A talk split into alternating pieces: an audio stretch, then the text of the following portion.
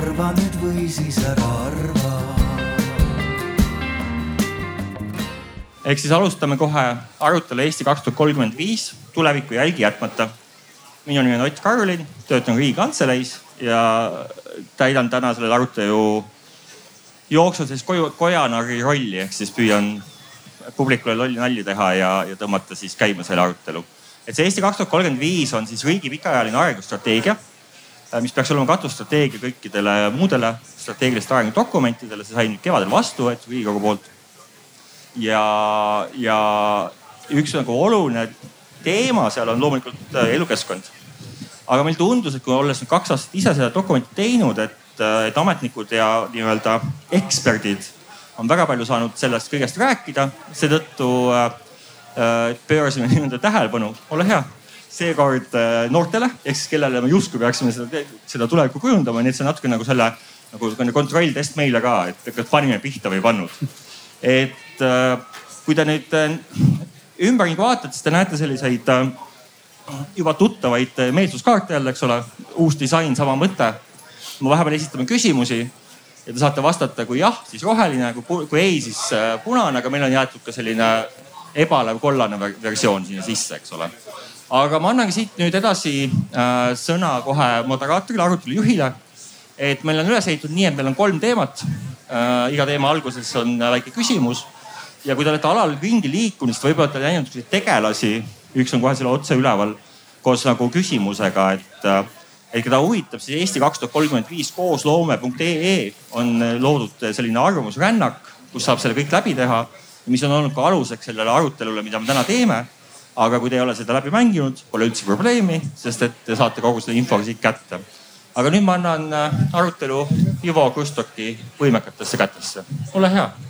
aitäh ja äh, tere ka minu poolt ja, ja, ja mul on väga hea, hea meel nii selle üle, et, et ollakse juba siia vaikselt kogunemas ja, ja veel eriti hea meel selle üle, et me tegelikult tõesti saame nüüd arutada neid küsimusi, mis, mis räägivad äh, meie kõigi elukeskkonna tulevikust inimestega, kellele see ilmselt äh, kõige olulisem täna on, ehk siis erinevate noorte inimestega, kes, kes siis saavad oma meelsust jagada. aga ma arvan, et enne kui me üldse hakkame siin sellist äh, sihukest tulevikku paikapanevat juttu rääkima, tuleks teha väike tutvustusring. ma, Ott mind juba tutvustas, mina olen Ivo Krustok äh,, töötan keskkonnaministeeriumis kliimanõunikuna.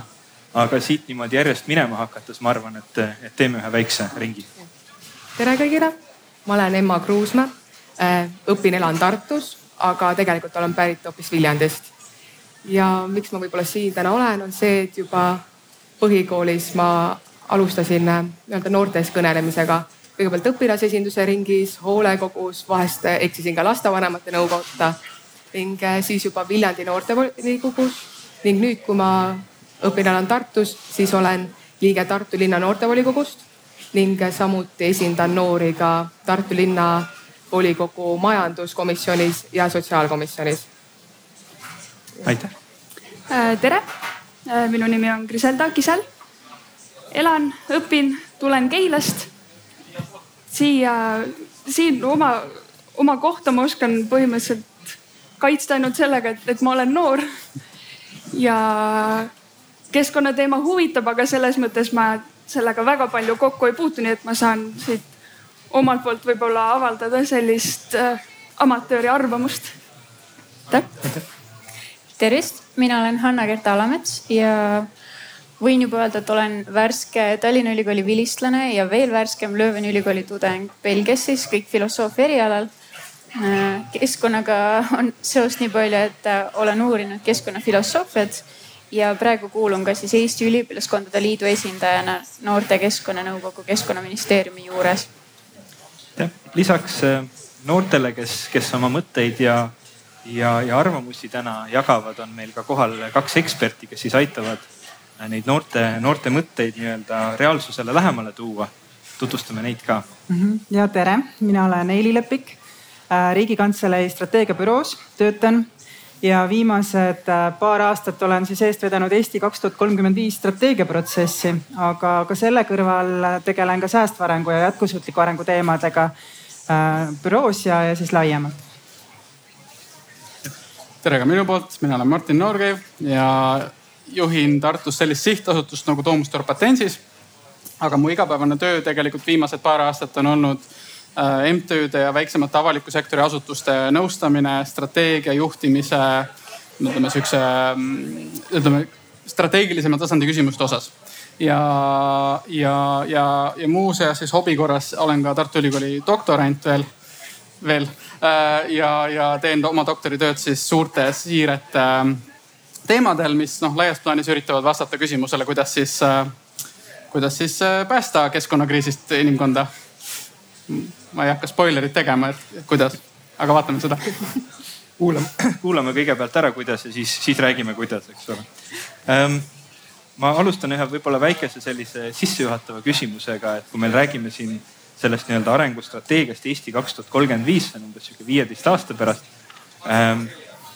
võib-olla mõtleks korra, te mõtlete korra oma kodulinna peale, oma kodu kogukonna peale, selle, mis teid ümbritseb või, või miks ka mitte, eks ole, Lööven, kuhu, kuhu olete kolimas. et äh, milline see viieteist aasta pärast äh, välja võiks näha üldse? ma alustangi kohe siit nurgast no ma ütlen, et äh, Viljandis võiks viieteist aasta pärast olla lõpuks veekeskus ähm,. aga ma arvan, et sama kodune ja nagu minevikku talletav, nagu see praegu on oma keskkonna mõttes ja loodus võiks seal sama palju olla nagu praegu ja, ja ehk ka rohkemgi, et võeta parkimisplatside ja kergliiklusteede pärast kõiki puid maha äh,. ma loodan, et on, Keil on väike linn Tallinna külje all siis ma loodan, et on endiselt sama, sama hubane ja sama kodune, kui ta, kui ta praegu on. miski ütleb mulle, et, et, et ta jääb endiselt suhteliselt roheliseks, nagu ta, kui ta seda on suutnud olla. ja ma loodan, et, et need noored, kes, kes Keilasse elama kolivad, need noored, kes Keilasse jäävad. Ja miks mitte ka siis äh, juba põlised elanikud suudavad, äh, suudavad linna rohelust ja ilu hoida. Ma võin siis Tallinna kohta enne vastata, et loomulikult ma tahaks näha, et Tallinn oleks veel rohelisem, et inimesed oleksid viieteist aasta pärast juba leidnud mingisuguse viisi, kuidas loodusega koos Tallinnas olla. et mitte selle eest pidevalt võidelda, et seda vajadust ei oleks. ja et äh, kindlasti tahaks näha palju vähem autosid, tahaks nende lõhna palju vähem tunda ja, ja loomulikult tahaks, et rattateed oleks ilusad, korralikud, et saaks näiteks Mustamäelt Viimsisse kiiresti rattaga ka liikuda ja ohutult. Need äh, muidugi märksõnad, mis läbi käisid, eks ole, et, et oleks rohkem loodust, et puid nii palju maha ei võetaks võib-olla linnas, et, et, et oleks rohelisem, oleks vähem autosid. eks need erinevad nii-öelda mõtted käisid läbi ka sellesama arutelu mänguga, mis, mis siin sai loodud noorte jaoks Riigikantselei poolt, mille ümber me tänase arutelu ehitanud oleme, nagu Ott siin alguses ka rääkis, mida te saate ka ise, eks ole, kogeda siinsamal festivali alal.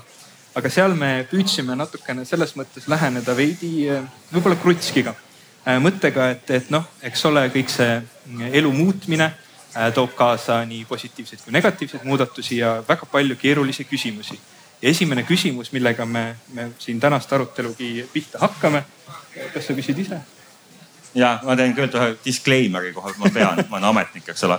et kõik need stsenaariumid, mis selles arvamusrännakus on, need ei ole nagu juba käigus ja töös stsenaariumid, vaid hüpoteetilised stsenaariumid. olgu see disclaimer siis öeldud, aga ja, et nagu ma ütlesin, leidke endale lähim see äh, meelsuskaart neid peaks olema siin igal pool.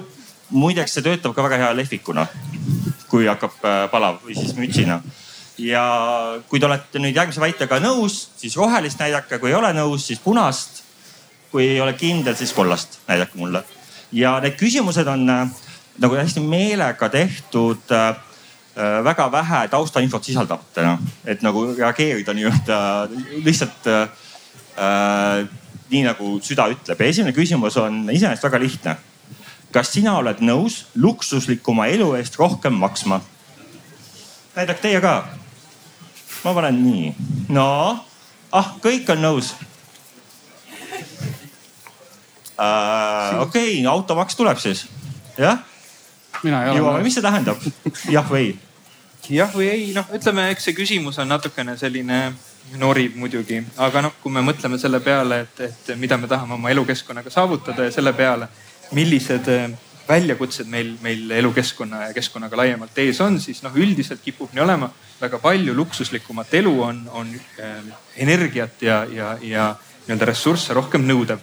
Ja üks viis, kuidas siis äh, noh, ütleme näiteks needsamad rohelisem linn ja, ja vähem autosid meie ümber ja autode lõhna meie ümber saavutada oleks noh näiteks maksustada eh, selle nii-öelda autoga ringi liikumist. sellega muidugi võib kaasneda väga palju erinevaid eh, mõjusid, nii see, et eks ole, ühest küljest autosid jääb vähemaks, aga teisest küljest see tähendab ka seda, et inimestel, kellel näiteks ei ole võimalik eh, seda nii-öelda lisatasu või, või maksu kinni maksta, noh nendel väheneb liikumisvõimaluse, vähenevad liikumisvõimalused, mis on tegelikult selline, selline tulemus, mida me tegelikult saavutada ju ei taha, et, et noh, me räägime inimestest, kes võib-olla kesklinnas elades nad ei peagi autot kasutama ja see nende elu väga palju ei, ei mõjuta. aga teiselt poolt inimesed, kes on kaugemal, kellel on siis keeruline selles olukorras toime tulla. ja, ja see ongi nagu see, millega me oma, oma mängus alustasime, millega me tegelikult palusime ka meile abiks tulnud noortel kõigepealt mõelda et noh, kas see luksuslikum elu oleks mõistlik, mida selle kõigega nagu peale hakata, kuidas seda muuta. Ja, ja, ja ma arvan, et äh, kõigepealt kuulaksimegi ära, et mille peale siis kõige selle, selle taustaga, kõige selle infoga tuldi et mis siis võiks sellega olla? ja minul tekib kohe esimene küsimus, et kas luksuslikum elu tähendab seda, et ma saan autoga ringi sõita linnas või see, et ma saan nautida müravaba ja keskkonna nagu reostuse vaba elu linnas, just kui vaadata väga kitsalt äh, linnas elamisel. minu esimene mõte tekibki, et minu meelest võiks äh, vaadata Euroopas ringi, meie oleme nagu, meil on vedanud linnaplaneerimisega, kuna Euroopas ikkagi on vanalinnad ja linnad on niimoodi üles ehitatud, et neid esmatähtsalt ongi mõeldud jalakäijatele. meil ei ole väga palju neid kohti parkimisplatside jaoks äh, kesklinnas, et võiks ära kasutada seda iseloomuomadust, mis juba on linnal ja seda on näha, et on kasutatud äh, Gentis ja on kasutatud kasvõi Londonis juba on, ongi maksustatud äh, autoga linna sõitmine mingitesse kindlatesse piirkondadesse. et tegelikult äh, minu meelest luksuslikum elu tähendab hoopis see, mis kaasneb selle automaksuga just äh, nii-öelda teises otsas, et äh, õhureoste vaba ja müravaba linnakeskkond mul äh, filosoofia tudengina tekkis küsimus selle küsimuse kohta, et ähm, küsimus oli formuleeritud siis, et kas luksuslikuma elu eest peaks rohkem maksma. et tegelikult me juba teeme seda, meie ühiskonnas toimibki täpselt see, et kellel on rohkem raha, saab lubada endale suuremat luksust. ja ma arvan, et kui seda võtta nii, siis on tundub nagu moraalselt vale öelda, et jah, see peaks nii olema, sellepärast et see suurendaks veel enam seda ebavõrdsust. et kui me ütleme näiteks, et automaks kõikidele, siis need, kes saavad seda automaksu endale lubada, võivad osta endale kolmanda-neljanda auto, aga samas see võtab ära kelleltki võimaluse võib-olla ainsa sõiduvahendi, et, et see võib selles mõttes ma näen seda nagu ohuna, et võib-olla tõesti peakski seda luksust enne mõtestama kui, kui midagi sellist keskkonnasõbralikumat või midagi sellist ähm,. Mitte siis nii-öelda tarbimisluksust, ütleme nii. ise? noh, kuna ma ise, kuna me oleme võtnud selle küsimuse praegu ette põhiliselt siis autode koha pealt kui luksusmaksu, sest Eestis, just Eestis põhiliselt ma ei kujuta ette luksusmaksu kui midagi muud kui, kui autode pealt või, või korterite pealt. aga ma leian, et raha kui sellist enne ei ole mõistlik võtta asjade pealt, kui meil ei ole olemas osades kohtades Eestis täiesti toimivat transporti.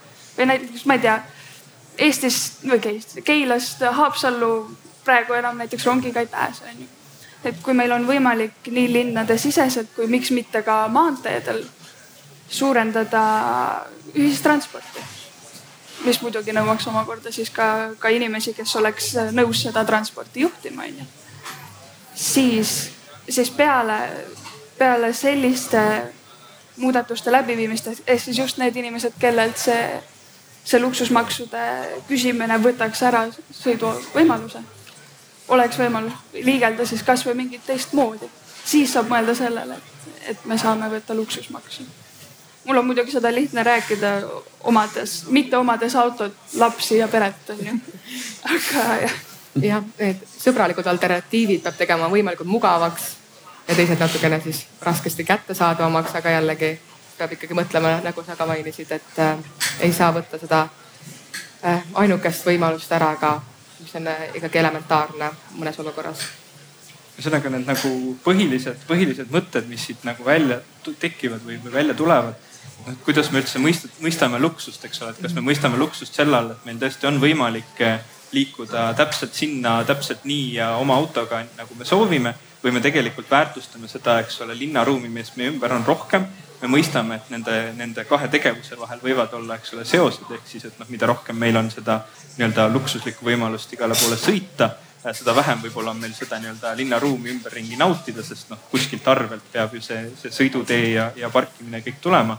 Äh, ja noh, teine pool on muidugi sotsiaalne võrdsus, et mõned mõtted siit muidugi tulid juba välja ka. Äh, et kuidas nagu ühistranspordi võimalusi suurendada, aga, aga ma juba nägin, et, et, et siin ähm,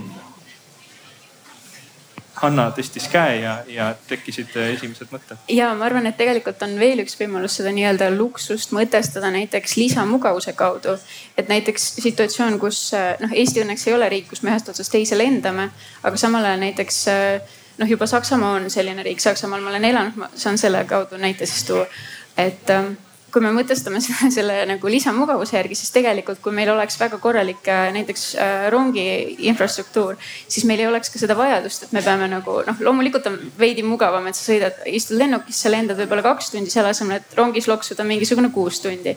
et aga noh, võib-olla sellised on need asjad, mis, mille puhul me võiksime juurde maksta või me võiksime seda nagu sellise luksusena võtta siis. Et ja need on asjad, millest ma arvan, et äh, inimesed võiksid olla valmis loobuma see rong on nüüd äh, siit kahest sõnavõtust läbi käinud, nii et ühest küljest see, et, et ehk see rong on isegi kõige, kõige mõistlikum viis, kuidas, äh, kuidas sellises riigis nagu Eesti võib-olla pikemaid distantse läbida. Aga noh, rong tegelikult on selline ikkagi üsna piiratud sihtkohtadega transpordivahend. et noh, kui me räägime ikkagi võib-olla Eesti sellisest hajali asuvast elanikkonnast, et kas teil on ka mõningaid mõtteid, kuidas rohkem nendeni jõuda või, või kuidas näiteks maal elavad inimesed saaksid rohkem ringi liikuda? muidugi ma saan puhtalt enda kogemusest öelda, ka bussiga on mugav sõita Viljandi-Tartu vahelt või kuidas iganes, aga kui oleks rongiliiklus, ma tean, kui palju rohkem ma väärtustan, kuidas ma sain täna hommikul tulla Viljandist Türile rongiga, selle asemel bussiga sõita. aga maapiirkonnas, ma arvan, see täitsa olemas, täpselt see tekib see mugavus. kui ma Viljandist kolisin Tartusse, siis ma tundsin, et kui mugav on bussiliiklus, kui paindlik see on aga kui ma nagu räägin Tartu sõpradega, nad ütlevad, et nemad ei ole sellega rahule kui juba toimub mingisugune areng, siis see on positiivne, sest eh, need maal elavad inimesed ei jõuagi endale sellist paindlikku transporti, ühistransporti nagu on Tallinnas või Tartus. Nad nõuavad, et juba toimuks areng selle, selle piires, mis juba on. On teil veel mõtteid, mida võiks nagu esile tõsta siin, mis kindlasti võiks nagu seda liikuvust, liikuvust parandada nii selle sotsiaalse ebavõrdsuse osas kui ka selle osas, et inimesed tõesti ikkagi saaksid äh, mõnusalt ringi liikuda? mulle tundub, et üks asi on veel see, et äh, ema mõtet jätkates, et äh, tegelikult võib ka ju need, noh, Ivo, sa ise ka mainisid, et, et rong on nagu selline fikseeritud kohtadega, et, et sa ei saa nagu päris iga, iga ukseni rongiga, et maapiirkonnas see võib tekitada probleeme, aga samas mulle tundub, et võib-olla siis võiks ka see bussisüsteem olla veidi paindlikum, et näiteks mul on vanaema Põlvamaal, kelle juurde ma saan bussiga minna, aga selleks ma peaksin kas bussijuhti paluma, et ta siis mingisuguse lisa sellise jõnksu teeks või siis, et äh, lihtsalt tõesti jalutama, aga noh, seda ma ei taha talvisel ajal või isegi sügisel vihmaga teha.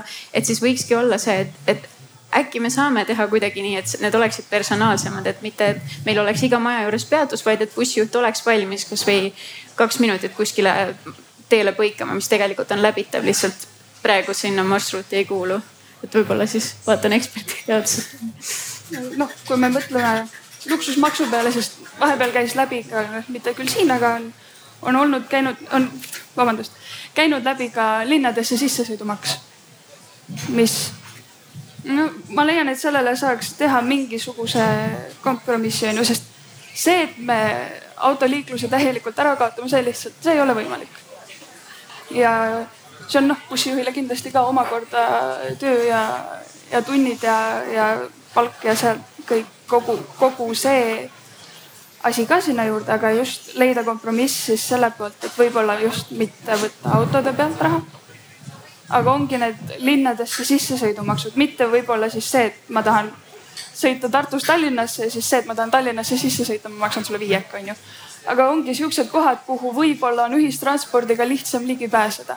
kuhu sa saad ühistranspordiga ligi, kuhu sa ei pea tegelikult autoga trügima linnades, nii suuremates kui väiksemates. sellepärast, et hästi palju liigeldakse ju noh, kui vaadata endagi poolt perega, suviti kasvõi käiakse. Kui ma mõtlen sellele, et ma peaks terve oma pere, see, et ma tahan näiteks Tallinnas sõita Viljandisse puhkama siis ma pean Tallinnas kogu perega istuma sinna bussi onju ja siis sealt, sealt sõitma Viljandisse ja siis sealt hakkama veel uust ühistransporti otsima, et see oleks ka keeruline.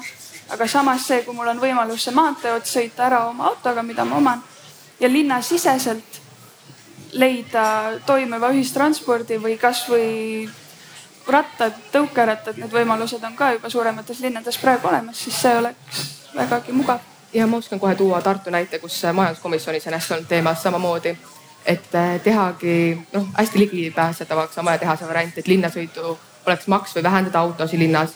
on plaanis siis luua just linnapiirile parkimisplatse ja sealt on kohe võimalus bussiga sõita kesklinna ja on ka plaanis selline no põhimõtteliselt keskne bussipeatus või kuidas öelda, kus kogunevadki nii kaugliinid tulevad sinna kui maakonnaliinid Eh, ja linnaliinid ehk sul on väga lihtne tulla kaugliini bussi pealt maha, et minna linnaliini bussi peale. läheduses on ka rattaparklad ja kasvõi Bolti tõuksid, et äh, oleks võimalikult mugav ühest transpordiliigilt teise peale üle minna.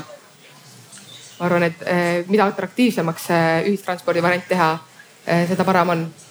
ma kuidagi tajun, et väga palju sellist Äh, maksustamise alast nagu soovi siit äh, paneelist kohe praegu välja ei tule, et pigem see võimaluste loomine, lihtsaks tegemine ja võib-olla ka atraktiivsemaks muutmine inimestele, selline üleüldisem teadlikkuse, teadlikkuse tõstmine, võimaluste loomine. ma tunnen, et see ongi õige, sest kui, kui inimesed võtavad need uued meetmed kasutusele, siis nad mõistavad ka, kui, kui see on hästi korraldatud, kui palju mugavamaks see võib su elu luua, kui palju võib-olla isegi odavamaks see võib su elu luua ja siis ei olegi seda soovi veel lisaks maksta oma auto eest mm. -hmm jah, ma olen, ma olen ka nõus, et äh, enne tuleks luua ikkagi võimalused ja siis nagu mõelda mingisugusele penaltiseerimisele, et äh, kõigepealt karistama hakata ei ole nagu hea lahendus, kui ei ole ka tegelikku alternatiivi veel loodud, et võib-olla siis tuleks jah ikkagi sellest alustada. ma vaatan nüüd võib-olla korraks meie ekspertide poole, et siin nüüd, äh, nüüd sellised põhilised mõtted on läbi käinud nende võima-, ütleme kõige, kõige mõistlikum tundub olevat see, et, et meil lihtsalt on neid võimalusi juurde või inimesed peavad olema teadlikud nendest võimalustest ja need võimalused peavad olema atraktiivsed, inimest kõnetavad, et kui, kui, kui kaugel me sellega ühest küljest oleme ja teisest küljest, et mida me saaksime siis tõesti nüüd ette võtta, kohe täna tegema hakata, et viieteist aasta pärast äh, need võimalused oleksid olemas ja võib-olla maksu poleks vajagi mm. -hmm. tõepoolest, et äh, et noh, küsimus on alati, et mis me nüüd järgmiseks teeme, mis me ette võtame, et noh, neid poliitika nii-öelda meetmeid on ju erinevaid, et ongi, kas teed maksu, paned trahvi peale, keelad midagi ära. aga nad ei ole kõige noh, tihtipeale kõige mõistlikumad ja võib-olla sellest ei peakski alustama, et et, et ja ma olen ka nõus sellega, et noh, kaks asja, mis inimesi ju motiveerib võib-olla teistmoodi käituma, ongi see, et kas ta on mugavam või see, et kas ta on mulle kallim või, või odavam, et ja, ja selles mõttes oli ka nagu noh, väga hea kuulda, et ega see nii-öelda luksusmaks või mis see üldse luksuslik elu on, et praegu samamoodi, et mingite asjade eest sa maksadki rohkem, kuna nad on mugavamad, siis sul ei ole teist varianti.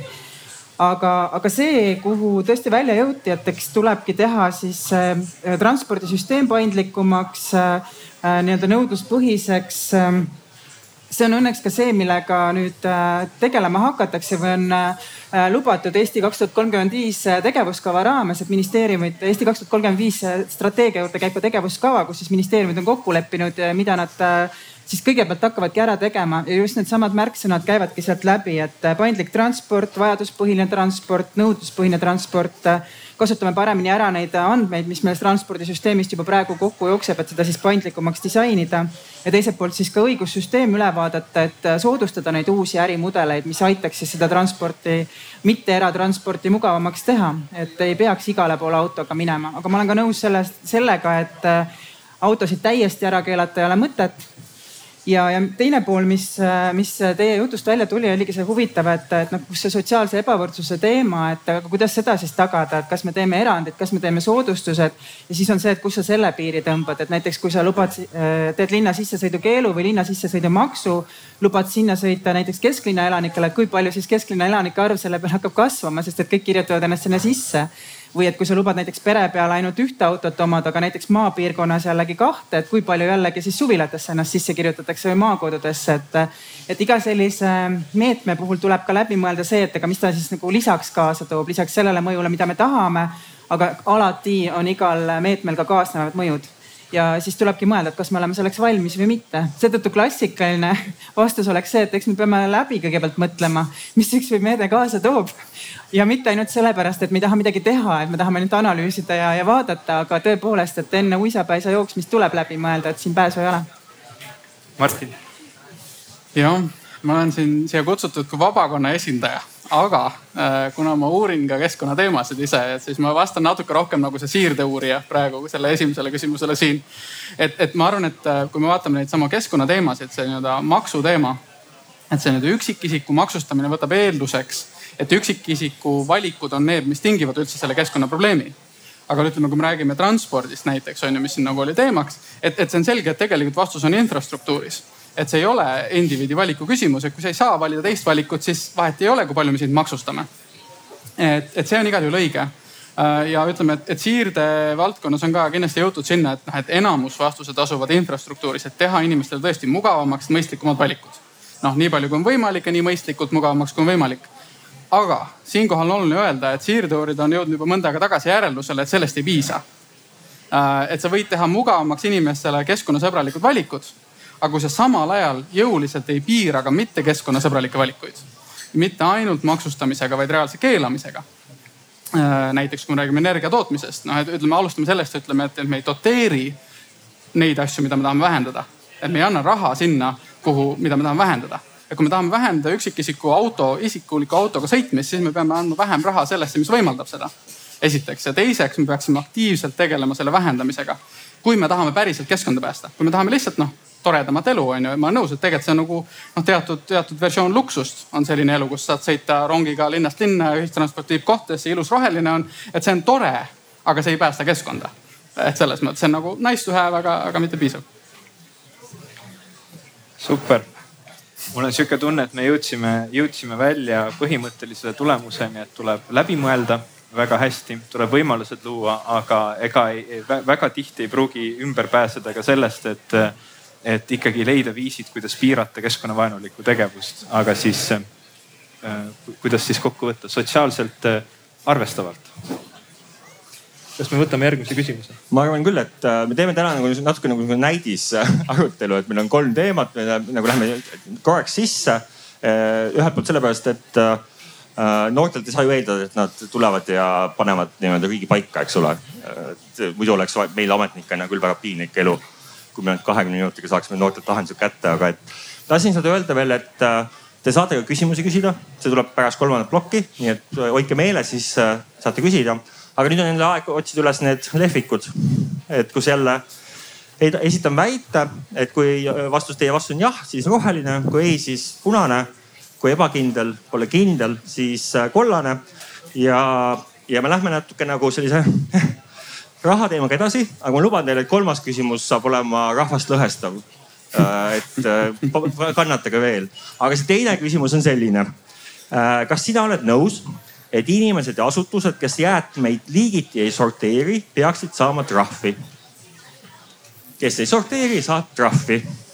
no, ma, ma olen täna nagu moderaat, nii meil on seal ei tea, no üks, kaks, kolm, no juba nüüd peaks trahvima, siin on vot siin laval enamik ei tahaks üldse trahvi teha. siin on no, erinevad kahtlused. no vot siin me läksime küll nüüd lappama vastustes, kogu üksmeel on kadunud. Ivo mis see toob, trahvimine kaasa või mis ta ei too kaasa? mul on tunne, et, et selle üksmeele kadumisele aitab ka kaasa see, et eriti siin nii-öelda kõnelejate sees, ükskõik kummat pidi me selle parasjagu üles tõstame, siis ühed inimesed näevad, et me oleme poolt ja teised, et me oleme vastu, nii et põhimõtteliselt kanda edasi tõelisi mõtteid on, on täpselt nii keeruline nagu pika diskussiooni tulemusel. aga aga jäätmeteema tegelikult ma, ma arvan, et Ott siin ütles õigesti, me liigume järjest rohkem ühiskonda lõhestavate teemadeni. ma Martinile luban, et energiast me jõuame ka veel rääkida. et, et jäätmete osas enam-vähem keskkonnaministeeriumis töötanuna ma tean, et igalühel on väga spetsiifilised kogemused jäätmetega iga inimene mõtleb alati, kui jäätmetest juttu tuleb, mida kindlasti tuleb teha ja mida ei tohi teha ja, ja ainuke asi, mida me teame, on see, et numbrid ütlevad meile, et me tegelikult toodame enam-vähem, iga inimene Eestis toodab umbes kolmsada seitsekümmend kilogrammi olmejäätmeid äh, aastas, mida on väga palju, kui me mõtleme, kui suur on kolmsada seitsekümmend kilogrammi. ja me teame seda, et me oleme küll lubanud, et me võtame viiskümmend protsenti äh, oma, oma olmejäätmetest ringlusesse. siis tegelikkus on see, et me oleme sellest umbes noh, me oleme täna kuskil kolmekümne ühe protsendi juures, et väga kaugel me selle eesmärgiga ei ole. Muidugi ega selle jäätmeteemaga väga lihtne ei olegi, et ühest küljest eh, me jõuame jälle võimaluste loomiseni. ehk siis, eh, kui inimestel tuleb justkui trahv ja, ja väga karm nõue eh, ja nad ikkagi ei tea, ei oska, ei saa oma jäätmeid päris nii lahendada, siis lõpuks jällegi muudatust ei tule ja teist, teisest küljest muidugi tekib jälle ka selline nii-öelda sotsiaalne aspekt, et noh, et, et kuidas me siis ikkagi tagame, et see oleks äh, selline nii-öelda loomulik asi nagu, nagu jäätmete, ähm, jäätmetest äh, lahti saamine või nende uus, uuesti kasutusse võtmine. et see oleks ikkagi tõesti kõigile kättesaadav. nüüd teie oma nii-öelda sellises viieteist aasta visioonis otseselt vist keegi, kui ma õigesti mäletan, ei maininud, et millised need, milline see seis jäätmetega peaks, peaks teie kodu, kodukandis olema, aga selle nii-öelda rohelise ilusa kogukonna osas ma, mul ei jäänud muljet vähemalt, et see oleks ka väga-väga äh, täis prügi.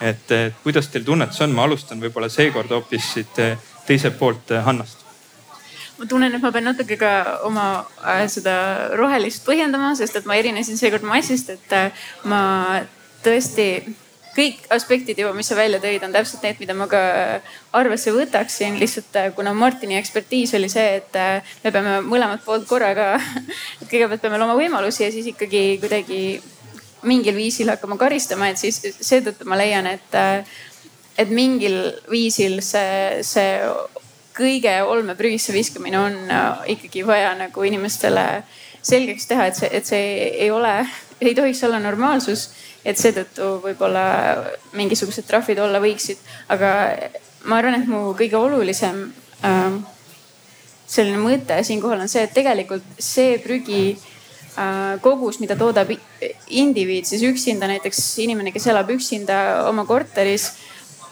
võrreldes sellega, mida toodavad äh, mingisugused suurtootjad, ettevõtjad. ma arvan, et need ei ole võrreldavad ja seetõttu võib-olla me peaksime esmalt vaatama nagu seda teist poolt, et ma tean, et seal on ka regulatsioonid juba praegu teistsugused. aga et võib-olla alustada nagu trahvide tegemist sealtpoolt, sest et see prügikogus on ikkagi hoopis suurem. Kriselda?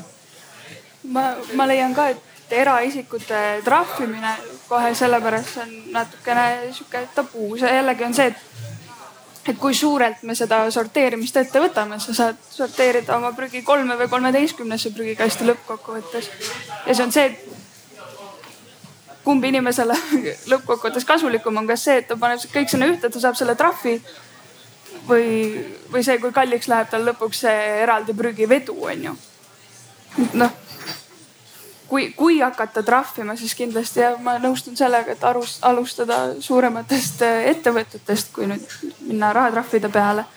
aga alguses oleks jällegi jah, muidugi see nüüd äh, rikub ära selle, et ühelt poolt hakkaks karistama ja siis teiselt poolt on ju, lükkaks kokku seda, aga see, et tuua need võimalused inimestele võimalikult lähedale koju kätte. mitte, mitte ainult linnades, vaid ka maakohtades, kuhu, kuhu niigi seda prügiautot tuleb vähem ja siis pärast peab seda, see vedu on niikuinii pikem, on ju. aga kuidas teie enda nagu kogemus võib-olla on sellega kodude juures, et kas need võimalused on olemas või, või jääb ikkagi nagu vajaka? ma võiks kohe öelda ise, et ma olen üles kasvanud ikkagi niimoodi, et me oleme sorteerinud võimalikult palju, lisaks olmeprügile tuleb ikkagi äh, noh papp ja paber, klaaspurgid, taara ja siis vahest suvel on kohvipaks ja munakarbid lähevad tuttavatele ja nii edasi. nüüd Tartusse kolides ma olen seda sama nagu vaimu, noh meeles hoidnud, ma elan puuküttega korteris ka, nii et paber läheb sinna, klaastaara läheb eraldi konteinerisse ja see on mugav, siis ma tean, kus kohas on konteinerid. ja, aga kui nüüd äh, mõelda näiteks selle sorteerimise peale, eraisiku nagu maksustamise peale näiteks, siis ma leian, et ennem vaja võtta teised meetmed. nüüd Tartus ongi, et alates viie korteriga kortermajast on kohustuslik ka bioprügi siis äh, sorteerimine ja ka paber ja papp.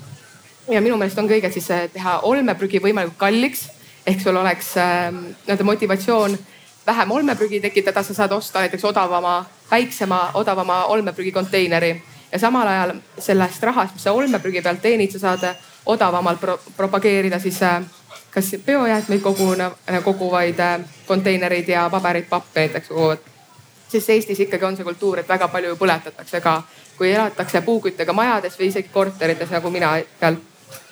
Ja ma leian, olen teiega nõus, et ikkagi enne tuleb äh, vaadata siis ähm, tööstuste poole kui eraisikust äh, maksustamise poole. jällegi sama põhimõte, et enne tuleb leida mugavaid alternatiive, mis äh, soodustaksid nii-öelda rohelisemat käitumist. kui me nüüd oleme noh, ütleme suurtootjatega täna suuresti olukorras, kus, kus ikkagi nendel on üsna tugevad regulatsioonid, siin äh, võiks mõelda muidugi selle peale, et on, on terve hulk nii-öelda vahepealseid, on igasugused poed, kes meile müüvad nii, nii toitu, toidujäätmed ka, eks ole, Eestis väga suur mure ja, ja ähm, ja müüvad meile igasuguseid pakenditega tooteid, eks ole, millega siis meie peame hiljem tegelema.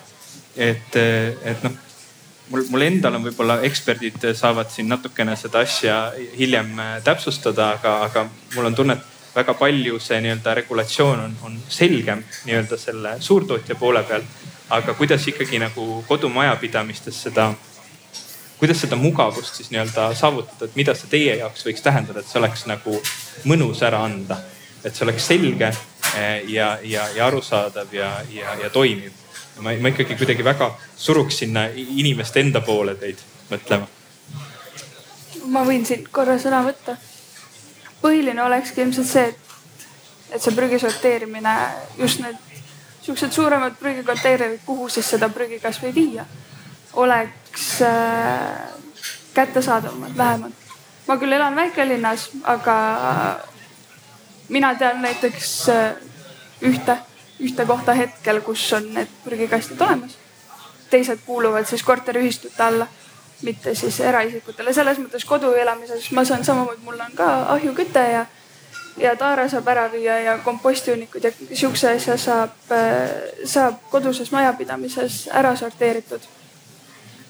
ja jällegi poodides tuleb pakend, tegelikult seal on ka ju, see plast on juba kahte erinevat sorti, mis sul selle vorsti, kus sul need vorstid sees on, on ju. see oleks vaja selle koha pealt ka juba selgeks teha, et kui, kui suurel määral me kavatseme eraisikul palutada prügi sorteerida.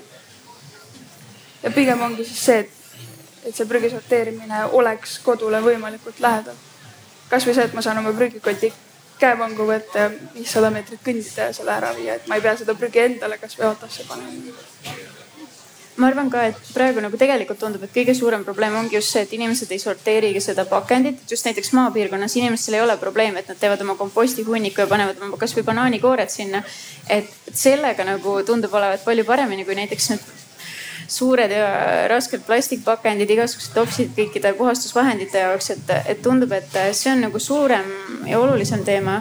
et siis miks mitte teha süsteem, kus prügiauto tuleb ka ja korjab need eraldi ära, et äh, näiteks noh, ma võin Põlvamaa näitel jälle öelda, et see on minu enda entusiasm, et ma üldse motiveerin kõiki, kes seal nagu käivad, tegutsevad, et äh, neid pakendeid eraldi sorteerima ja siis see, et ma võtan auto ja sõidan ise kuskile lähedal asuvasse asulasse ja viskan need ilusti ära et see noh ja sageli ma teen seda Tartus, kui ma lihtsalt sõidan Tallinnasse tagasi, et, et see lihtsalt jääb tee peale, sest et seal nagu julgelt kümne kilomeetri raadiuses ei ole ühtegi võimalust nii klaasi kui, kui pakendit eraldi ära visata. ja ma tegelikult tahtsin jah seda öelda, et maapiirkondades on natukene keerulisem selle prügiveoga, et ei soovita ka enda seda looduskeskkonda niimoodi hävitada, võib-olla ei ole isegi nii lihtsasti ligipääsetav, et mitu korda peaks prügiauto käima erinevat liiki äh, prügi sorteerima või noh kokku korjama, aga maal inimesed lisaks sellele need komposteerivad enda eh, biojäätmeid, ikkagi leitakse ka veel leidlikke viise. plasttopsid lähevad marjade korjamiseks ja neid kasutatakse veel mitu aastat. aga tõesti kõige suurem probleem ikkagi on ja minu meelest ka pakendid, mida ma ise Viljandis saab väga mugavalt, on, ongi viissada meetrit jalutuskäiku, et viia enda ähm, mingid kohupiimatopsid või lihapakendid äh, õigesse kohta nii et kas see viissada meetrit võiks olla selline piisavalt mugav või võiks olla tegelikult ikkagi nagu hommikumantliga ära viidav? Viljandi kontekstis hommikumantliga on see, võib ka viissada meetrit ära jalutada. mul endal on ka nagu tihti see mulje jäänud või, või teatud mõttes nagu arusaamatuks jäänud, et kuidas näiteks autoga metsa alla sõitmine ja, ja siis millegi mahalaadimine on nagu lihtsam või mugavam, kui, kui siis tõesti see viissada meetrit kõndida. aga, aga tundub jah, et noh nagu lõpptulemusena taaskord me jõuame, jõuame üsnagi sellise mõistliku tulemuseni. ma natukene ootasin võib-olla rohkem sellist minu kogemus lihtsalt varasemates jäätmediskussioonides on, et igaüks räägib, kuidas minul on, kuidas minul kõik valesti on ja, ja kuidas kindlasti peaks õigesti olema, aga, aga üldiselt tundusid need äh, soovitused jällegi olevat väga sellised tasakaalukad, ehk siis loome võimalusi juurde enne seda, kui me, kui me nii-öelda jõuame äh, eraisikuteni, peaksime tegelikult võib-olla rohkem tegelema ettevõtjatega äh,. ja, ja siit käis läbi ka mõte, et, et noh, lõpptulemusena Äh, peaks olema palju-palju odavam see, et, et jäätmed lähevad ringlusesse, kui tegelikult see, et nad pannakse kõik kokku, ehk siis, et noh, kui, kui kuskilt nii-öelda juurde kruvida seda, seda kulu, siis see peaks olema just sellelt, et inimene nagu ise seda võimalust ära ei kasuta, siis et, et neid, neid jäätmeid sorteerida. Ma vaatan taaskord ekspertide poole, võib-olla alustame seekord Martinist see alustamine võib-olla on pärast halb, aga äh, ma arvan, et kogu see jäätmete sorteerimise teema on täielik pseudoteema. et see on suur sihuke indulgents lihtsalt, et tunda ennast paremini äh,. aga see on täiesti mõttetu, sest jäätmete teema algab tootmisest ja selles mõttes läksime õigesse kohta, aga mitte lõpuni välja. meie kõige suurem probleem on see, et me toodame crap'i. mitte selles mõttes, et me toodame asju, mille ümber on pakend, mis on prügi, vaid selles mõttes, et me toodame asju, mis on prügi Äh, me toodame asju, mis ei pea vastu, mis ei peagi vastu pidama, mille eesmärk on mitte vastu pidada.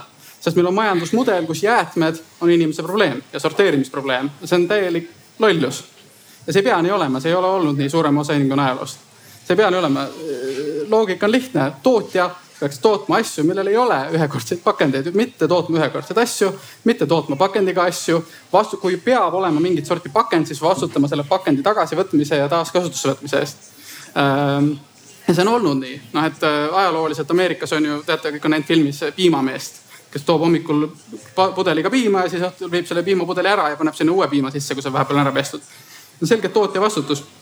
Ja meie suurim müüt, mis meil on maha müüdud, on see, et see on millegipärast selle üksikisiku vastutus, et tema peab hakkama sorteerima pakendit, millega tihtilugu ei ole mitte midagi ka teha, isegi kui see sorteerida äh, ja see on noh selgelt liiga hilja ja keskkonna mõttes kõik see, selle hind keskkonna jaoks, et ümber töödelda asju, mis on tehtud sellisel viisil, on liiga suur. et meie planeet ei pea vastu isegi seda, kui me kõiki ta, ta, sorteerime kõike hästi kenasti, kõik oleme hästi tublid.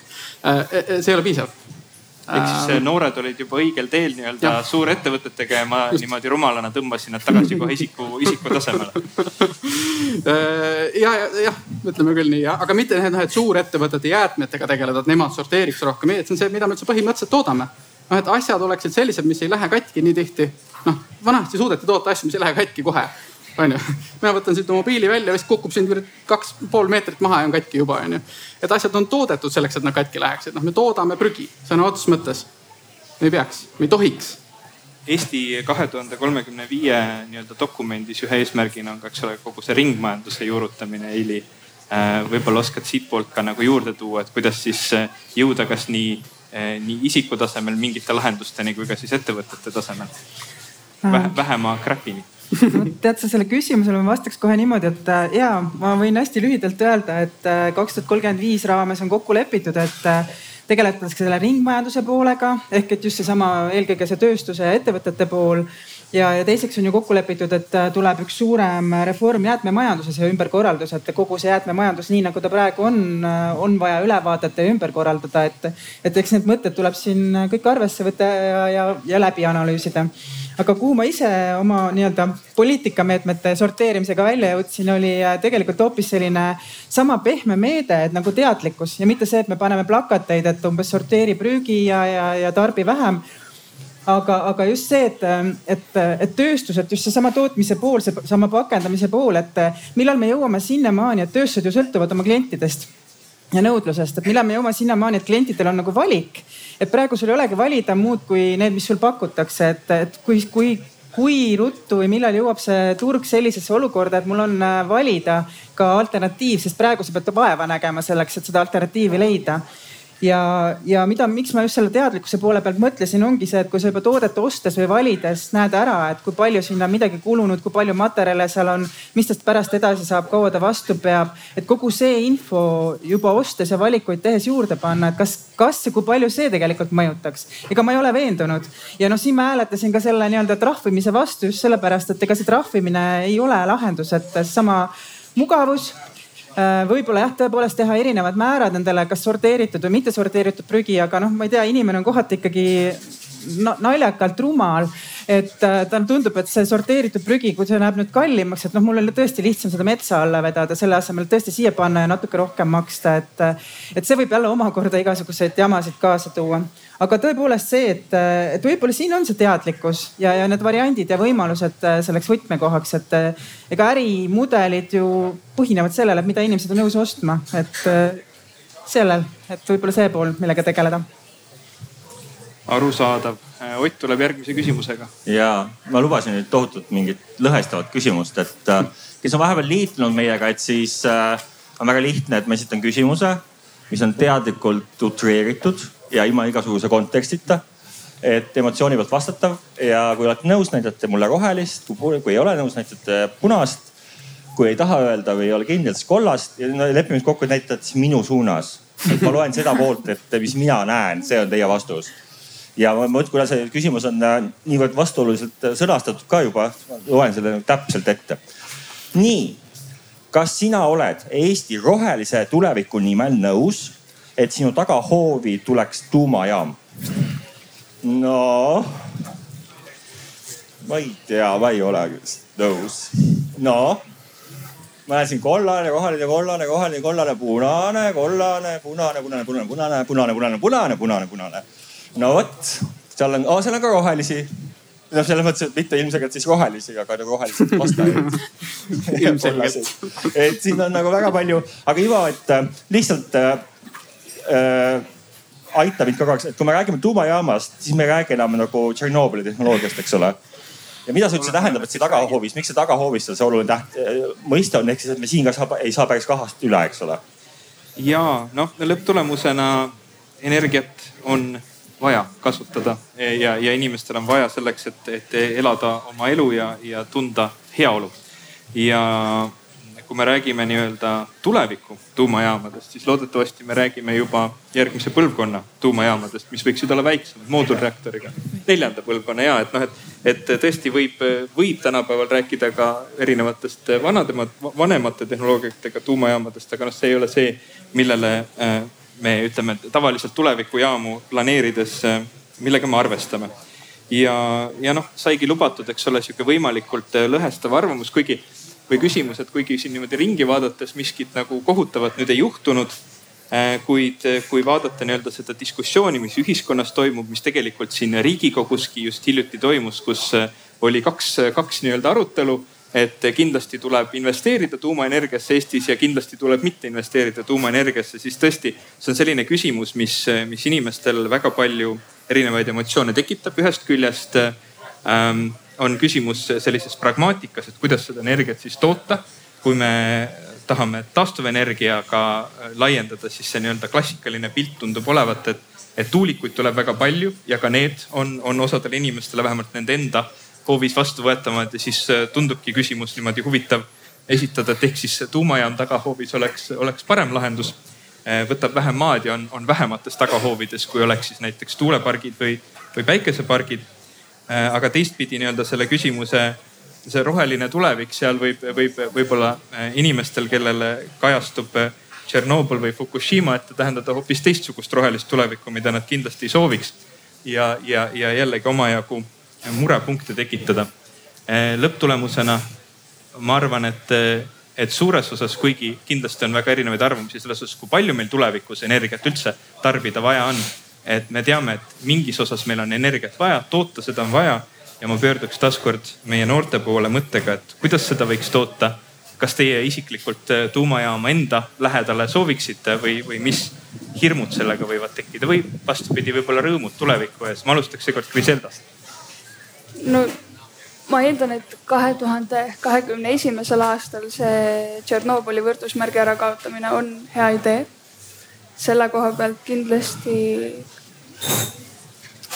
teha, teha siis selgeks on, on ju vale, aga jällegi arutada ja rääkida sellest, et, et kõik, kõik tuumajaamad kogu aeg ei plahvata ja õnnetused ei ole siuksed igapäevased, on ju. ja ma leian, et no see on kindel, et tuule ja päikeseenergia pealt üksi ei ole võimalik äh, kogu energiat toota. Mina isiklikult leian, et Eestisse see tuumaenergiajaam võiks olla kasvõi selles mõttes plaan B-na et nii palju kui võimalik kasutada ära tuule ja päikeseenergiat ja investeerida ka sinna alla. aga samas ei saa loota ainult selle peale. et oleks olemas ka, kui peaks juhtuma, et, tuult ei ole, et siis äh, energiast puudu ei tuleks. Ma tahakski kohe siit üle minna, et äh, minu nagu esimene kokkupuude oligi tuumaenergiaga üldse selline, et ma olin kuskil äh, taastuvenergia mingi Eh, sihukeses töötoas, mis oli KIK-i poolt rahastatud, kus me klassiga läksime ja seal see, kes meil seda siis töötuba läbi viis, oli nagu väga nagu tuumaenergia vastane ja ta oli ka esimene asi, mis ta ütles, oli Tšernobõl ja Fukushima. mina juba seal ju, nagu oskasin öelda, et, et nagu tänapäeval ei ole tehnoloogia enam sinnamaale või sinnamaale toppama jäänud. Ja ma nüüd kevadel kirjutasin eh, ühe kõne, see oli vabalt valitud teemal koolis kirjutada ja mina valisin tuumaenergia täpselt sellel põhjusel ma tahtsingi näha, mida minu klassikaaslased sellest arvavad ja kasvõi mida minu õpetaja arvab.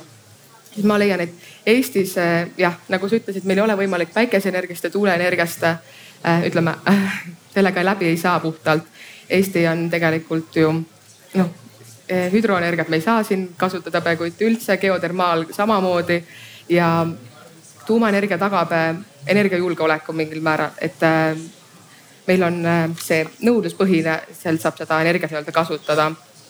ja, aga samamoodi võib tekkida ka nii-öelda energiajulgeoleku risk, kui sa mõtled, et keegi võib siin äh, pommitada või mida iganes, aga samamoodi on alati need äh, aga-kohad, aga kui juba Eesti riik on lubanud, et kahe tuhande neljakümnendaks aastaks põlevkivi ei kasuta energia tootmisel enam üldse ja kahe tuhande kolmekümnendaks aastaks on juba nelikümmend viis protsenti energia tootmisest taastav ja ma ei tea, kas seal siis mingi osa oleks üldse biomass või mingi puidu põletamine, siis kui mõttekas ka on see, et tuumaenergia on hästi ju äh,, kuidas öelda, energiat täis, sa saad kuuest grammist äh, siis kütusest, sa saad sama palju kui tonnist kivisöest. tuumaenergia vähendab õhusaastet, õhusaaste tulemusel on juba väga palju inimesi ära surnud ja mis äh, ma enda kõne nii-öelda kõne jaoks uurimist tegin, siis ma leidsin andmeid, et tuumaenergia on üks koma kaheksa miljonit elu päästnud eh, tuhande üheksasaja seitsmekümne esimese, kahe tuhande üheksanda aasta vahel. ja et puhtalt kahe tuhande kaheksateistkümnendal aastal suri kaheksa koma seitse miljonit inimest õhusaastasse. ja kui nüüd hakata võrdusmärke tuua üldse Fukushima või Tšernobõliga, siis muidugi võib väga nii-öelda mustvalgelt vaadata, et Fukushimas ühtegi nii-öelda kiirituse mõju seda otsest surma ei olnud, vaid oli evakueerimisel ja et esimene vähisurm registreeriti alles kahe tuhande kaheksateistkümnendal aastal ja Tšernobõlis oli kolmkümmend üks äh, äh, surma siis otsese kiirituse mõjul. muidugi on need mõjutused läinud ka palju kaugemale, kasvõi Eesti riigieelarvesse, kui makstakse Tšernobõlis käijatele nagu ekstra pensionit. et äh, aga jah, tõesti, see on sihuke lõpetuseks sihuke lõhestav teema no äkki Hanna nüüd kohe hakkab lõhestama meie ühtset arvamust. ma just mõtlesin, et ma esiteks jagan oma kogemust, et äh, ma tõesti elasin nii, äh, et mul oli tagahoovis praktiliselt tuumajaam, ma ei teadnud seda. siis kui ma mingi, mis iganes projekti jaoks hakkasin vaatama, et kus Euroopas asuvad tuumajaamad, siis ma sain aru, et okei okay,, et mu kodu kõrval asub üks tuumajaam.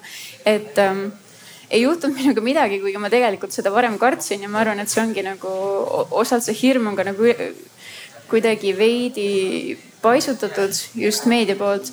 aga ma nüüd tahan ikkagi ähm, välja öelda selle seisukoha, et äh, kuna see küsimus jällegi oli formuleeritud nii, et rohelisema tuleviku nimel, et kas ma võtan selle riski, siis kui see tõesti tagab mulle rohelisema tuleviku, siis jah, ma isiklikult olen nõus selle riski võtma. aga samas nüüd, kui ma nägin, et äh, siin nii publikus kui, kui mu kõrval eksperdid, kes selle valdkonnaga on rohkem kursis, ütlesid ei, et siis mul noh, paratamatult äh, hakkab miski muu nagu mingi tuluka põlema, et kuna mina ise ei ole ekspert, siis ma pigem ei, ei võtaks selle, selles osas nii tugevat seisukohta. aga samas, kui see on mingisugune alternatiiv, mille riskid on korralikult hinnatud, siis ma ei näe, et see äh, kuidagi halb variant oleks, sest et äh, noh, nagu siin ka juba mainitud, et äh, need äh, taastuvenergia variandid, mis meil täna on, on tegelikult ka loodusele mitte nii sõbralikud. et kasvõi see, et äh, äh tuulikute tootmiseks me kaevandame mingeid raskmetalle, mitte küll Eestist ega, aga kusagilt maailmast ja teeme sõna otseses mõttes augu sellega ja neid me ju sinna kunagi tagasi ei pane ja me ikkagi kahjustame nagu mingit osa keskkonnast, et. et siis ma arvan, et nagu kindlasti on vaja leida mingisugune viis ähm,, mingi parem viis, et või, või siis mingi tasakaal nende vahel. ja minu meelest ongi, et äh, no samamoodi me Eestis vaidleme ka tuuleparkide asukohtade üle ja minu meelest päikesepaneelid on hea variant äh, nii-öelda täpselt kodus üksikisiku jaoks võib-olla mingit tuge nii-öelda anda, aga samamoodi taastuvenergial ei ole väga palju nii-öelda seda tehnoloogiat veel arendatud, kuidas seda energiat salvestada. ja minu meelest jah, tuumaenergial on koht taastuvenergia liikide eh, kõrval, sellepärast et eesmärk on ju ikka üks ja sama mm. -hmm. no muidugi nüüd mul, mul on kole, kole suur soov eh, tekitada ikkagi natukene sellist nagu Äh, natukene eriarvamusi siia juurde tuua, et ikkagi ei läheks kuidagi väga-väga optimistlikult ühes suunas. Martin tõstis punase, punase nii-öelda selle flaieri üles, eks ole. ja, ja, ja kohe siin pani, pani äh, noored ka muretsema või, või vähemalt Hanna muretsema, et kas ikka nüüd tasuks liiga rohelise, rohelise äh, taldriku peale jääda. et võib-olla Martin räägi paari sõnaga, miks sa just selle punase üles tõstsid, võib-olla eksperdi vaatenurgast või, või ma ei tea, tahad sa vabakonna esindaja? Vabakonna esindajana tuumaenergiat kommenteerida on natuke raske. Äh, aga, aga selle kliima perspektiivist ja keskkonna perspektiivist on päris lihtne. siin on hästi palju asju, ma kõiki neid ei hakka ette lugema, aga äh, tahtsin ühe väikse nalja teha, siin ma tean kohatu, aga õnneks ainult salvestatakse audiot, siis keegi ei kuula. Äh, et see Tšernobõlist rääkides, et, et seal on ilmselt üsna roheline, kuna seal on puutumata loodus erinevalt RMK metsast äh,. nii, tegin selle nalja ära, saate ju pärast siis kommenteerida äh,. energiahäda on selles, et kui me seda toodame rohkem, siis me lihtsalt tarbime seda rohkem. selles mõttes nagu tuumaenergia lahendusena rohepöörde jaoks on nagu kehva lahendus, sest me lihtsalt tarbime rohkem, see on noh statistika, me näeme seda, et see juhtub. kui me ei piira tarbimist, siis midagi ei juhtu sellest, et me tuuma, tuumaenergiat juurde teeme, lihtsalt toome endale noh, noh teeme selle juurde, meil on rohkem energiat siis me tarbime seda rohkem et see on üks asi, aga teine asi, mis on palju olulisem, on see, et, et küsimus on selles, et missuguseid eeldusi me teeme selle maailma kohta, kus see tuumaenergiajaam äh, nagu asuma hakkab. ja kui me võtame selle eelduse, mis on hästi nagu loogiline, et, et noh, et umbes sellises maailmas nagu täna või no ütleme veel, et ütleme, me kujutame umbes ette oma peas sihukest maailma, mis oli meil kümme, kakskümmend aastat tagasi, kui me räägime, mis maailm on täna. aga tänane maailm on selline, kui me vaatame ÜRO kliimaraportit, et me juba täna oleme kohas, kus meil on liiga hilja kus me oleme teel selgelt kolme-nelja kraadi äh, tõusu äh, poole üle, üle maailma. ja, ja, ja, selle peatamiseks on meil aega alla, alla kümne aasta. tuumajaama me ei ehita valmis selle ajaga. et see on mõttetu, sest ei ole midagi kasu. see on natuke midagi kasu potentsiaalselt, aga noh, siis me jõuame kõike sinna, et mis see tuumajaam üldse põhimõtteliselt teeb, on ju. uus põlv, uue põlvkonna tuumajaamad, meil tegelikult ei ole neid olemas veel, sest neid ei arendata piisavalt palju veel. noh, siis on muna-kana probleem, aga noh, mis teha, nii on Äh, et, et esiteks neid ei ole olemas, teiseks meil ei ole lahendatud jäätmete probleem äh, tegelikult ei ole, et ja, ja, ja kui me räägime sellest kolm-neli kraadi tõusnud äh, temperatuurist ja sellest maailmast ja missugune infrastruktuur meil on siis maailmas ja kas see infrastruktuur võimaldab hallata tuumaenergiajaama siis ma arvan, et on üsna tõenäoline, et ei ole. et kui me sellesse maailma jõuame ja siis meil on tuumajaam, siis meil on probleem. sest siis maailma tarneahelad ei tööta enam nii, nagu nad töötavad täna ja meil ei ole võimalik enam saada neist jäätmetest lahti ja palju muid asju, mis meil juhtub ühesõnaga hästi palju probleeme, mis on tuumajaamadega, pluss lihtsalt otseses mõttes rohepöörde mõttes on liiga hilja. isegi kui kõik need teised asjad oleks lahendatud. ma vaatan korra Eili poole ka, oskad sa veel võib-olla midagi, midagi juurde öelda? Äh, ma tahaks seda öelda, et hästi huvitav oli see, et, et noored ütlesid pigem jah et mõnes mõttes ootamatu, mõnes mõttes pigem oleks oodanud võib-olla tõesti hoopis sellist, et pigem ei ja tõesti needsamad jutud nagu enamasti kostavad, aga päris, päris lahe oli see, et siit tuli see pigem jah. ja mina ise panin kollast, et noh, võib-olla see, et tüüpiline riigiametnik, et ega praegu on meil vara öelda ei või jah, seesama need, sama neljas põlvkond, ega seal on ka mitu erinevat tehnoloogiat, päris palju küsimusi õhus, et kas üks või teine või kolmas ja, ja, ja see tehnoloogia areng, et ähm, erinevad tehnoloogiad arenevad, et lisaks tuumaenergia tehnoloogiatele arenevad ka taastuvenergia äh, need tehnoloogiad, arenevad salvestustehnoloogiad. Ja kui üleüldse seda tehnoloogiate arengut vaadata, siis noh, ta tõesti on hüppeline. Et võib-olla ehk on juba viie või seitsme aasta pärast mingid hoopis uued lahendused olemas, et praegu räägitakse juba sellest, et saadame kosmosesse, ehitame kosmosesse elektrijaama, sest et seal on päikese, päike kogu aeg võtta, onju, et. et noh, võib-olla jõuame varsti sinna ja meil ei olegi tuumajaama siia vaja, et noh, tõesti praegu neid otsuseid äh, teha on keeruline samas selge on, et me oleme ju Eestis ka võtnud selge suuna, et põlevkivi äh, elektrist ja põlevkivi elektrist väljuda, põlevkivi energeetikat vähendada ja kuskilt äh, see energia on vaja saada, sest et äh, noh, päris pimedaks ja, ja küünlavalgel, noh päris pimedaks ja küünlavalgel me elada ei taha et äh, ja päikese ja tuuleenergia areng on ka Eestis olnud üsna, üsna jõuline üsna kiire, et, et, et kas selle, sellest piisab, mis sinna kõrvale võtta, kõik need küsimused vajavad lahendamist. kas nüüd kiirkorras, kas me, kas me proovime siiski lahendada või, või anname alla ja proovime siis kuidagi kosmosesse põgeneda, kui nüüd siin utoop, mitte utoopiasse, aga võib-olla kaugemasse tulevikku minna ja tehnoloogia veel kiiremasse arengusse minna. aga selge on see, et, et noh valitsus just hiljaaegu ju äh, lõi rohepoliitika juhtkomisjoni just selleks, et arutadagi, et, et mis see rohepööre Eesti jaoks tähendab, mis on need valikukohad, mida me juba teeme, mida me veel tegelikult ei tee, mida tegelikult oleks vaja teha, mis on need takistused. ja ma olen täiesti kindel, et seesama energeetika küsimusest ei ole seal pääsu. et, et, et need arutelud tulevad ja, ja eks tuleb ka need otsuse kohad otsuse, otsused ära teha ma silmanurgast tegelikult näen küll, et Ott tuleb juba uue teemaplokiga, aga ma kasutan, kasutan võimalust seda ignoreerida, sest ma tean, et mul on veel aega. ja, ja võib-olla siis selle nii-öelda ekspertide arutelu põhjal tulen korra noorte juurde tagasi sellise küsimusega hoopis, et kui palju te täna tunnete, et te võib-olla kasutate rohkem energiat, kui teil vaja on, et noh, nii-öelda tuleviku perspektiiviga, kus võib-olla peaks hoopiski seda nii-öelda energiat tõhusamalt kasutama, vähem kasutama, et kas te tunnete ise näiteks oma elus täna et, et seda, seda saaks ja võiks teha. ma alustan nüüd sealtpoolt, Hanna.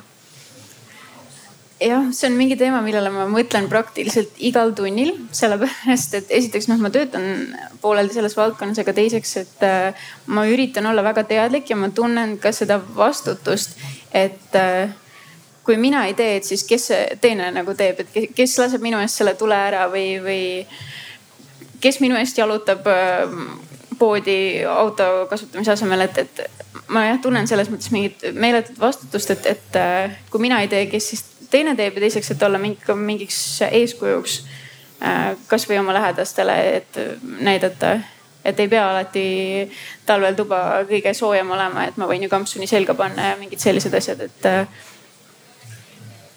on küll kohti, kus ma saaksin seda vähendada, aga ma jah tunnen, et võib-olla ma ei ole kõige hullem selles osas Kriselda? kui ma aus olen, siis noh, ta, ta ei ole mul otseselt niimoodi nüüd äh, igapäevaselt peas. aga kindlasti no mul, mul veel seda mure ei ole, et kas ma jalutan poodi või, või ma sõidan autoga poodi, sellepärast et. autot ei anta. auto on, lube ei ole ah.. sellega on nagu see probleem. aga noh, ta on kindlasti, kindlasti peas ja kindlasti see on väga õige, et kui, kui ressursse antakse rohkem kätte, siis sa ka kasutad neid juba lihtsalt sellest inimlikust mõttest, aga ju anti, miks ma ei peaks, onju. et selle peale ilmselt peaks rohkem, peaks rohkem pead murdma, kui seda siiamaani teinud on. jah, väga lihtsalt ma võin öelda, et kindlasti ma kasutan rohkem energiat, kui see noh, vajalik puhtalt oleks, aga see kaasneb selle ühiskonnaga, kus me elame, kus me saame, kus on neid mugavusi, mida kasutada ja kus see mingil määral tundub väga elementaarne elada üle oma nii-öelda vajaduste mulle see vastus väga meeldis, sest ega ma üldse ei tahtnudki sellise üksikisiku tasemele siin jõuda, et tegelikult see, see nii-öelda süsteem meie ümber, kuidas, kuidas see kõik toimib ja, ja, ja mida meilt nagu mm, hea elu juures eeldatakse, et seal on ka nagu omajagu omajagu muresid üleval, aga, aga nüüd ma olen küll juba ajaga sealmaal, kus Ott võib oma teemaplokiga tulla. ja ma mõtlesin, et proovime siia vahelduseks nüüd seda eestlaste kõige oodatumat osa arutelust ehk siis võimalust esitada küsimusi. Või kommenteerida. või kommenteerida, ainuke palve on, et äh, kui te ei ole midagi nõus, siis noh, nagu ikka arutelu hea tava, eks ole, et ründame mõtet, mitte inimest ja püüaks ühe minuti sisse panna oma küsimuse või kommentaari. ja minu ainuke küsimus on, et kes alustab kuna meid on siin täpselt nii mõnusalt äh, hea hulk, et ma tean täpselt äh, nägupidi, kes on algusest peale olnud siin, siis ma võin ka lihtsalt tulla ühekaupa, kuna ma olen ka õppejõud, siis mul ei ole probleemi panna inimesi rääkima, lihtsalt visata mikrofon näkku, aga võib-olla keegi nii-öelda päästab seltskonna ära. no, keegi ei tõsta kätt jah? ei tõsta jah? no ma aimasingi, et siit saab. aga ma ei olnud kogu aeg siin, nii et ma saan, saan küsida ainult selle energeetika küsimusega seoses ma hakkasin just mõtlema, et oled see väga spetsiifiline tuumaküsimus, et noortelt just, et kust see teie info pärineb, kust te saate seda infot? sest et noh, mina olles ka seda teemat jälginud, ma näen, et, et väga kallutatud infot liigub ringi ma nägin siin kohe esi, esimese asjana võib-olla pöördun ema poole, sest sa ütlesid lausa, et sa tegid vist uurimustöö. ei, mul oli, ma olen kõige rohkem infot saanud enda vanemalt vennalt, sest kuidagi tema on sellest rohkem teadlik vanem ja lihtsalt see on miski, mis pakub huvi ja meedias see käib päris palju läbi ja, ähm, ja ka välismaa meedias, aga täpselt jah, mul oli vabalt valikul, vabalt valikul nagu teemal võimalik teha kõne ja mina arvasin, et tuumaenergia on hea variant. Krisenda? mul ka äh, suurenisti on see, et kui keegi vanem ütleb sulle, et, et nii on, siis äh, üldjuhul sa kipud on ju olema, et okei okay..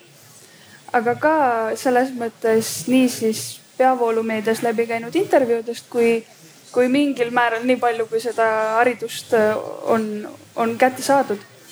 selle põhjal siis ka, ka koolist ja noh, samas kui, kui ka siin istuda ja kuulata on ju ümberringi toimuvat vestlust, siis ka siit saab.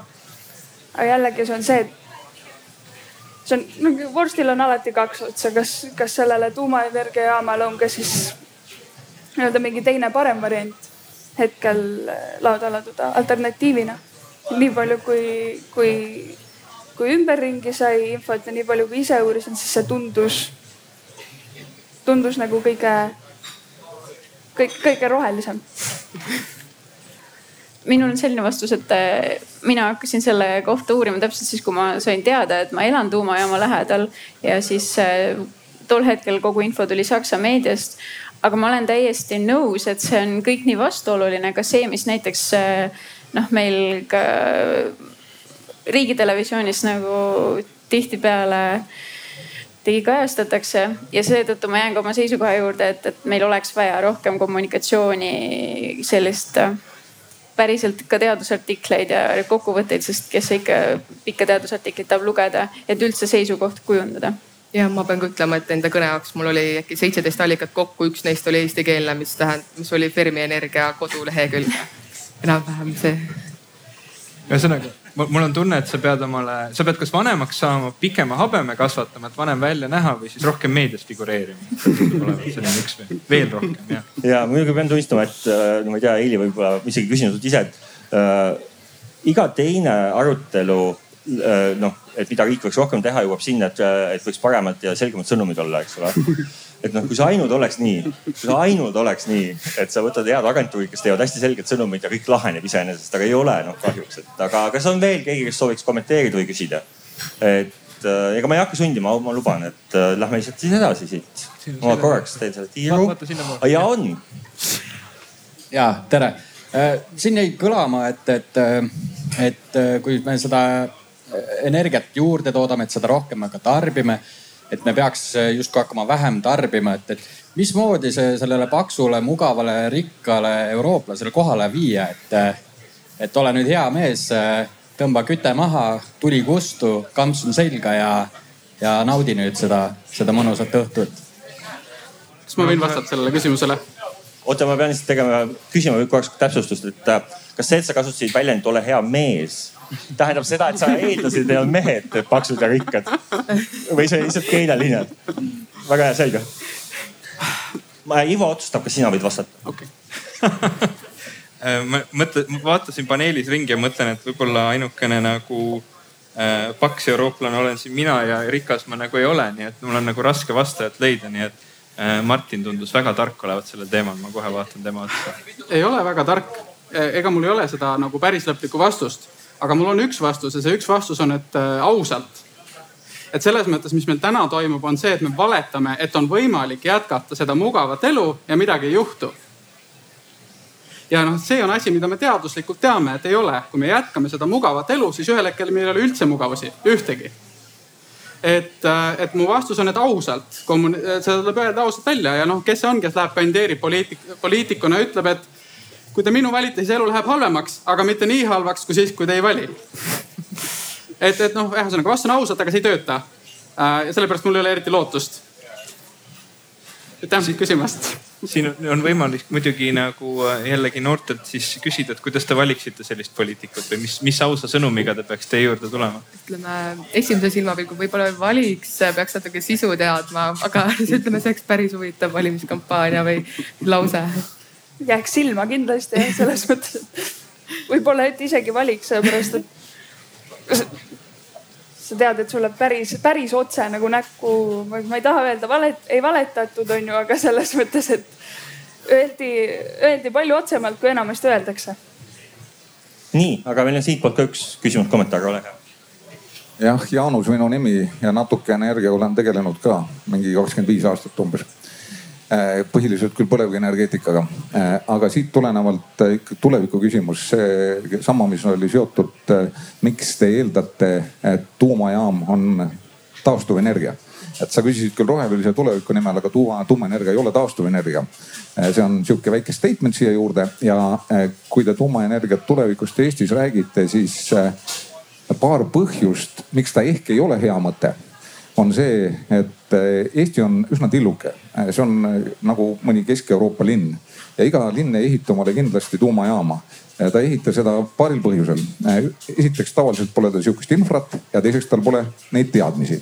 Need on kaks sihukest lihtsat põhjust, Eestil ei ole kumbagi tuumaenergiajaamaks ja teadmisi on võib-olla ütleme kolm-neli inimest, Fermi Energiat mainisid, umbes sealt tuleb, ütleme äh, Sandor Liive natuke, Kalev Kallemets, siis kaks tuumainseneri, kes on palgatud.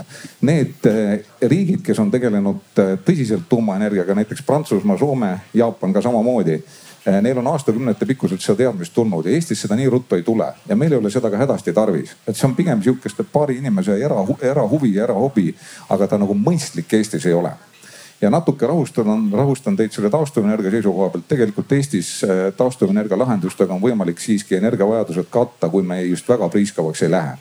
ja on täitsa võimalik, muidugi on vajalik salvestus ja natuke juhitavat võimsust sinna juurde. aga seal midagi teostamatut ei ole, nii et tulevik on tegelikult selle koha pealt palju rõõmsam. ja samas, kui see tuumajaam siia tuleks, siis teie elektriarve oleks oluliselt kordades kõrgem, sest tuumaenergia on väga kallis ja tuuleenergiale maksab, maksab aastal kaks tuhat nelikümmend umbes viiekümne euro juures, tuumaenergia maksaks ikka sada viiskümmend.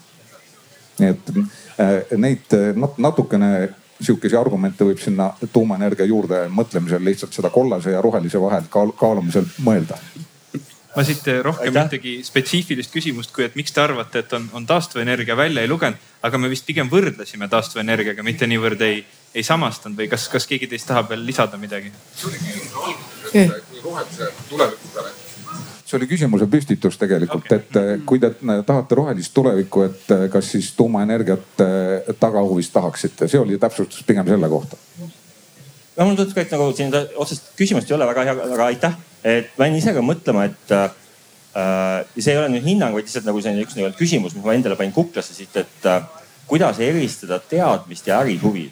sest mulle tundub, et Eestis on see ka kindlasti üks küsimus äh,. aga kas on veel kellelgi kommentaare või küsimusi? Vaatan teie otsa, teil on kõik hästi, teil on siin hästi kõik äh,. siis vist on kõik nii hästi, et Ivo hakkab võtma otsi kokku. tundub nii ja rohkem küsimusi ei tule, siis võib, võib võib-olla lihtsalt natukene mõelda tagasi sellele, et mis me rääkisime, me oleme nüüd äh,, mina olen vähemalt omajagu targem, siin on väga palju erinevaid, erinevaid mõtteid läbi käinud nii, nii selles osas, et et mida teie nagu olete omalt poolt äh, soovinud või, või mõelnud või, või, või tõstatanud. Ja on ka tulnud siis nii-öelda mõtteid ekspertide poolt ja, ja rahva hulgast. et võib-olla, mis, mis on see kõige olulisem, mida te endale kaasa võtate teadmisena ja mis tegelikult on võib-olla kõige olulisem siin kohe Eilile öelda, et millega peaks riigikantseleis hästi kiiresti tegelema hakkama ja, ja ministeeriumitesse suunama tööks.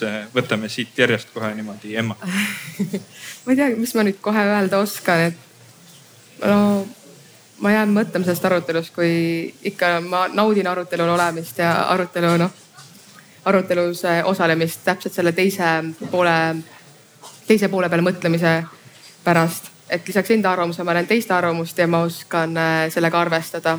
mis Eesti riik nüüd tegema peaks, et kahe tuhande kolmekümne viiendal aastal oleks meil kõigil siin hea elada. ma arvan, et see ei sõltu noh, täielikult vähemalt Eesti riigi juhtimisest. aga tuleb arvestada nii noorte kui vanemate, täiskasvanute, kõigiga tuleb arvestada ja lõpuks tuleb tegutseda, ei saa liialt palju aega enam kulutada mõtlemise, planeerimise peale. see peab juba tehtud olema, et äh, saaks liikuda edasi. Griselda? jah, ma, mulle ka selles mõttes äh, oli, oli tore nii-öelda arutada oma ideid, oli tore kuulda, kuulda inimestelt, kes päriselt teavad, millest nad räägivad et äh, ja mulle väga meeldis selle ääresmehe jutt ka siin taga, selle ma panen kohe kahe kõrva vahele endale. Siia.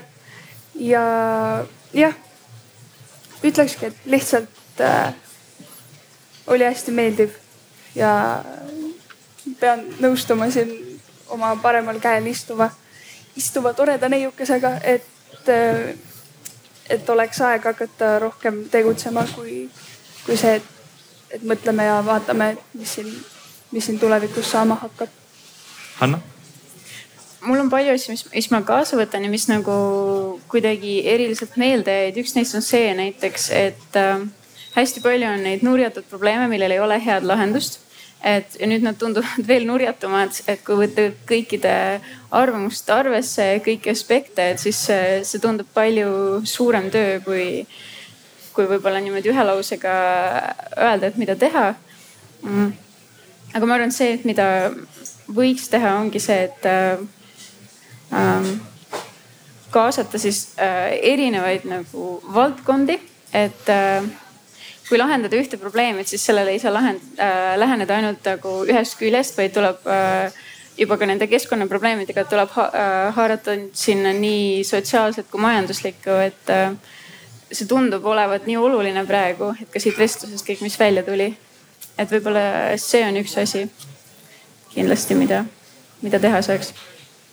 ma nüüd äh, küsin, noh ekspertidelt midagi väga sarnast, aga, aga võtan, võtan niipidi, et kõigepealt äh, Martin, võib-olla sinu sihuke kõige olulisem sõnum ja viimane mõte ja siis Eili saab selle pealt kohe nagu vaadata edasi, et mis, mis võiks edasi saada, et see kõik, et, et seda kõike väga hästi arvesse võtta mul oli hea meel näha, et, et minust palju-palju nooremad inimesed on juba jõudnud sinna, et süsteemsed peavad lahendused olema, et infrastruktuuriga tuleb tegeleda.